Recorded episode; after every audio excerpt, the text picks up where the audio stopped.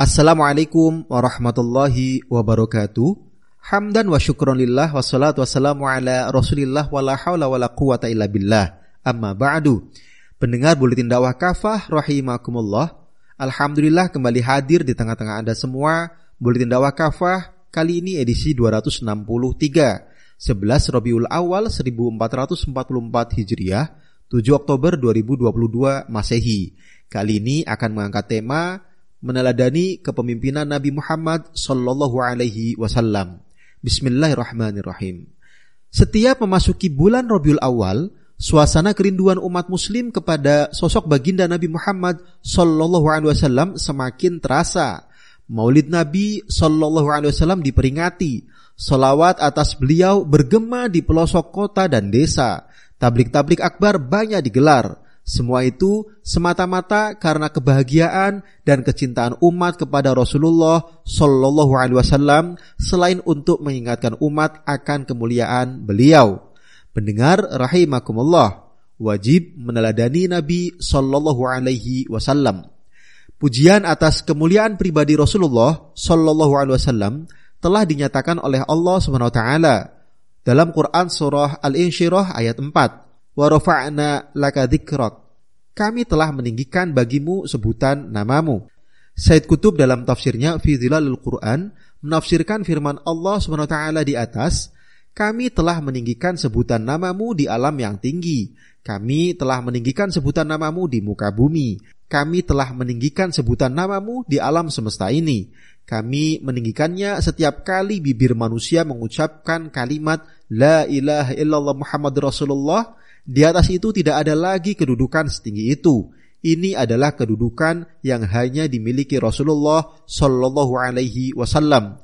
Tiada seorang manusia pun selain beliau yang memiliki kedudukan tersebut di seluruh jagat ini. Said Kutub dalam kitab Fizilal Quran jilid 6 halaman 688. Rasulullah Shallallahu Alaihi Wasallam adalah satu-satunya pribadi yang wajib diteladani dalam semua hal. Sebagai ahli ibadah, sosok yang berakhlak mulia, suami yang lembut, ayah dan kakek teladan, panglima perang, juga sebagai kepala negara terbaik. Allah Subhanahu wa taala berfirman dalam Quran surah Al-Ahzab ayat 21, "Laqad kana lakum fi Rasulillahi uswatun hasanatun liman kana yarjullaha wal yawmal akhir wa dzakarallaha katsira."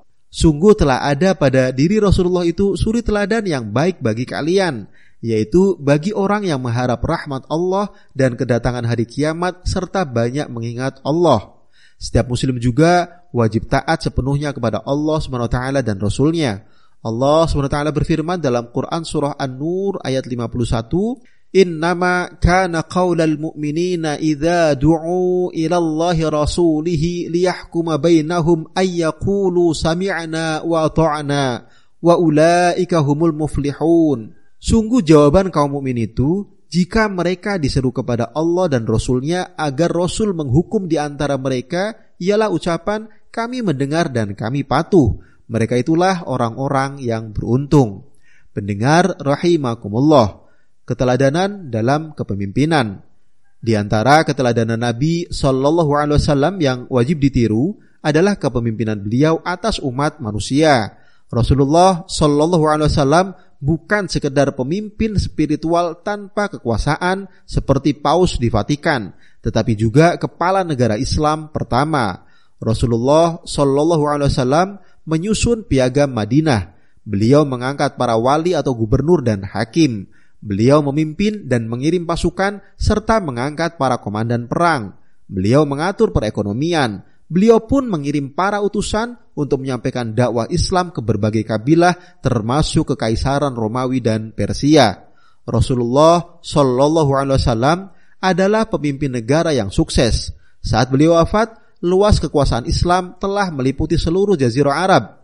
Jumlah pengikutnya terus bertambah.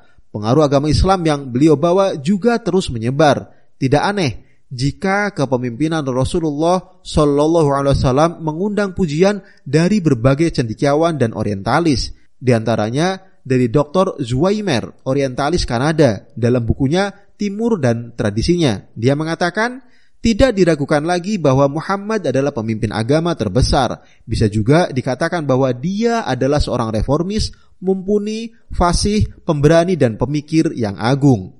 Berikut ini adalah sejumlah karakter kepemimpinan Nabi Shallallahu Alaihi Wasallam. Pertama, Nabi Shallallahu Alaihi Wasallam menerapkan syariat Islam secara total. Tidak ada satupun perintah atau larangan Allah swt yang beliau abaikan. Setiap kali turun hukum Allah taala, seketika hukum itu beliau berlakukan di tengah-tengah umat tanpa menunda atau mengurangi pelaksanaannya. Nabi Shallallahu Alaihi Wasallam tidak pernah menerapkan selain syariat Islam dalam menjalankan pemerintahannya. Beliau pun tidak pernah berkompromi dalam menerapkan hukum Allah Subhanahu Wa Taala. Inilah yang Allah Subhanahu Wa Taala perintahkan dalam Quran surah Al-Maidah ayat 49 wa anihkum bainahum bima anzalallahu wa tattabi' ahwa'ahum ayyaftinuka am ma anzalallahu ilaik. Hendaklah engkau memutuskan perkara di antara mereka sesuai dengan apa yang telah Allah turunkan dan jangan engkau mengikuti hawa nafsu mereka. Berhati-hatilah engkau terhadap mereka supaya mereka tidak memalingkan engkau dari sebagian wahyu yang telah Allah turunkan kepadamu. Yang kedua, Rasulullah Shallallahu Alaihi Wasallam memperlakukan hukum secara adil. Tidak ada privilege atau keistimewaan hukum walaupun terhadap keluarga beliau sendiri. Beliau tak akan segan menjatuhkan sanksi pidana walau terhadap putri kesayangannya sendiri Fatimah radhiyallahu anha. Sebagaimana sabda beliau, "Waimullahi lau anna Fatimata binta Muhammadin saraqat laqata'tu yadaha." Demi Allah, Sungguh andai Fatimah binti Muhammad mencuri, aku sendiri yang akan memotong tangannya. Hadis riwayat Al-Bukhari. Keadilan inilah yang menjamin tegaknya pemerintahan dan hukum di tengah masyarakat. Kepercayaan rakyat pada supremasi hukum menjadi kokoh karena pemerintah memperlakukan hukum kepada siapa saja yang bersalah tanpa kecuali. Bandingkan dengan kondisi sekarang. Jika yang terjerat hukum adalah kerabat, kolega atau tim suksesnya maka hukum mendadak lumpuh. Yang ketiga, Rasulullah Shallallahu Alaihi Wasallam senantiasa memperhatikan dan melayani kepentingan rakyat. Beliau misalnya memerintahkan Baitul Mal untuk melunasi utang-utang kaum fakir miskin. Inilah pendapat yang disampaikan Imam Al-Qurtubi dalam tafsirnya saat menjelaskan firman Allah SWT dalam Quran surah Al-Ahzab ayat 6 An-nabiyyu aula bil mu'minina min anfusihim. Nabi itu lebih utama bagi kaum mukmin daripada diri mereka sendiri. Inilah petunjuk Nabi sallallahu alaihi wasallam dalam kepemimpinan. Ana aula bil mu'minina min anfusihim. Faman tuwfiya wa alaihi dainun fa alayya qada'uh. Aku lebih berhak atas kaum mukmin daripada diri mereka sendiri. Karena itu, siapa saja yang meninggal dalam keadaan memiliki utang, maka akulah yang akan melunasi utangnya. Hadis riwayat Ibnu Majah. Nabi Shallallahu Alaihi Wasallam juga memberikan pekerjaan untuk rakyatnya. Ibnu Majah meriwayatkan bahwa beliau pernah membantu seorang lelaki dengan cara menggadaikan barang-barang beliau sehingga terjual dua dirham. Satu dirham digunakan untuk nafkah keluarga lelaki tersebut, satu dirham lagi ia belikan kapak untuk mencari kayu sehingga ia bisa mendapatkan keuntungan 10 dirham untuk keluarganya. Yang keempat, Rasulullah Shallallahu Alaihi Wasallam menjaga ketertiban masyarakat agar tidak terjadi pelanggaran seperti kecurangan dalam perdagangan, konflik dan tindak kriminal lainnya. Nabi Shallallahu Alaihi Wasallam pernah mendapati seorang pedagang yang mencampur makanan yang kering dan basah akibat terkena air hujan. Beliau memerintahkan pedagang tersebut untuk meletakkan makanan basah itu di tempat yang mudah terlihat orang-orang. Beliau lalu menegur dia, "Man minni." Siapa saja yang menipu maka dia bukan dari golonganku. Hadis riwayat Muslim. Yang kelima, Rasulullah Shallallahu Alaihi Wasallam memimpin pengadilan dan mengatur tata tertib pengadilan bagi para hakim. Dengan itu, pengadilan dapat berjalan dengan adil tanpa menzalimi siapa pun. Beliau bersabda, "Lau yu'ton nasu bidakwahum ladda'a rijalun amwala qaumin wa dima'ahum, walakinil bayyinatu 'alal mudda'i wal yaminu 'ala man ankar." Andai setiap orang diberi sesuai dengan tuduhan atau dakwaan mereka, tentu akan ada orang-orang yang mudah menuntut harta dan darah suatu kaum. Namun yang benar, barang bukti wajib atas penuduh atau pendakwa dan sumpah wajib atas orang yang menolak tuduhan atau dakwaan. Hadis riwayat Al-Baihaqi. Yang keenam, Rasulullah Shallallahu Alaihi Wasallam memang memungut jizyah dari kaum kafir ahlu zimmah dan memberlakukan sejumlah hukum syariah atas mereka. Namun, beliau pun melindungi mereka dari tindak kezaliman. Beliau juga membebaskan mereka untuk menjalankan ibadah, makan minum, pernikahan sesuai agama mereka. Beliau bersabda, "Ala man dzalama mu'ahadan aw taqasuhu aw kallafahu fawqa taqatih aw akhadha minhu syai'an bi ghairi tibi nafsin fa ana hajijuhu yaumal qiyamah."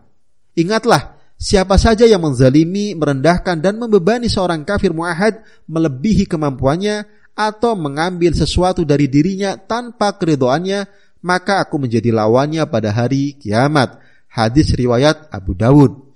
Yang ketujuh, Nabi Shallallahu Alaihi Wasallam melindungi Islam dan kaum Muslim dari setiap gangguan. Beliau memerangi dan mengusir Yahudi Bani Qainuqa Pasalnya, mereka melecehkan kehormatan seorang muslimah dan membunuh seorang pedagang muslim. Rasulullah Shallallahu Alaihi Wasallam juga mengusir Yahudi Bani Quraiza. Sebabnya mereka bersekongkol dengan kaum musyrik Quraisy menyerang kaum Muslim. Hal itu melanggar perjanjian damai bersama. Yang kedelapan, Rasulullah Shallallahu Alaihi Wasallam mengutus sejumlah delegasi ke berbagai kabilah, kerajaan, dan kekaisaran untuk mendakwahkan Islam kepada mereka. Beliau pun memimpin jihad dalam rangka menyebarkan Islam atau mengirim saraya pasukan yang dipimpin para sahabat untuk berjihad. Pendengar rahimakumullah, demikianlah kepemimpinan Rasulullah Shallallahu alaihi wasallam yang seharusnya diteladani umat pada hari ini. Kepemimpinan beliau berdasarkan akidah Islam, tidak lain untuk menegakkan hukum-hukum Allah dan menyebarkan Islam ke seluruh penjuru dunia, bukan kepemimpinan sekuler yang mengabaikan hukum Islam dan tunduk pada konsep politik trias politika atau demokrasi, apalagi ternyata dipakai untuk keuntungan oligarki, bukan untuk kemuliaan Islam dan umatnya. Wallahu alam biswab. Demikian materi buletin dakwah kafah edisi 263 meneladani kepemimpinan Nabi Muhammad sallallahu alaihi wasallam. Terima kasih. Wassalamualaikum warahmatullahi wabarakatuh.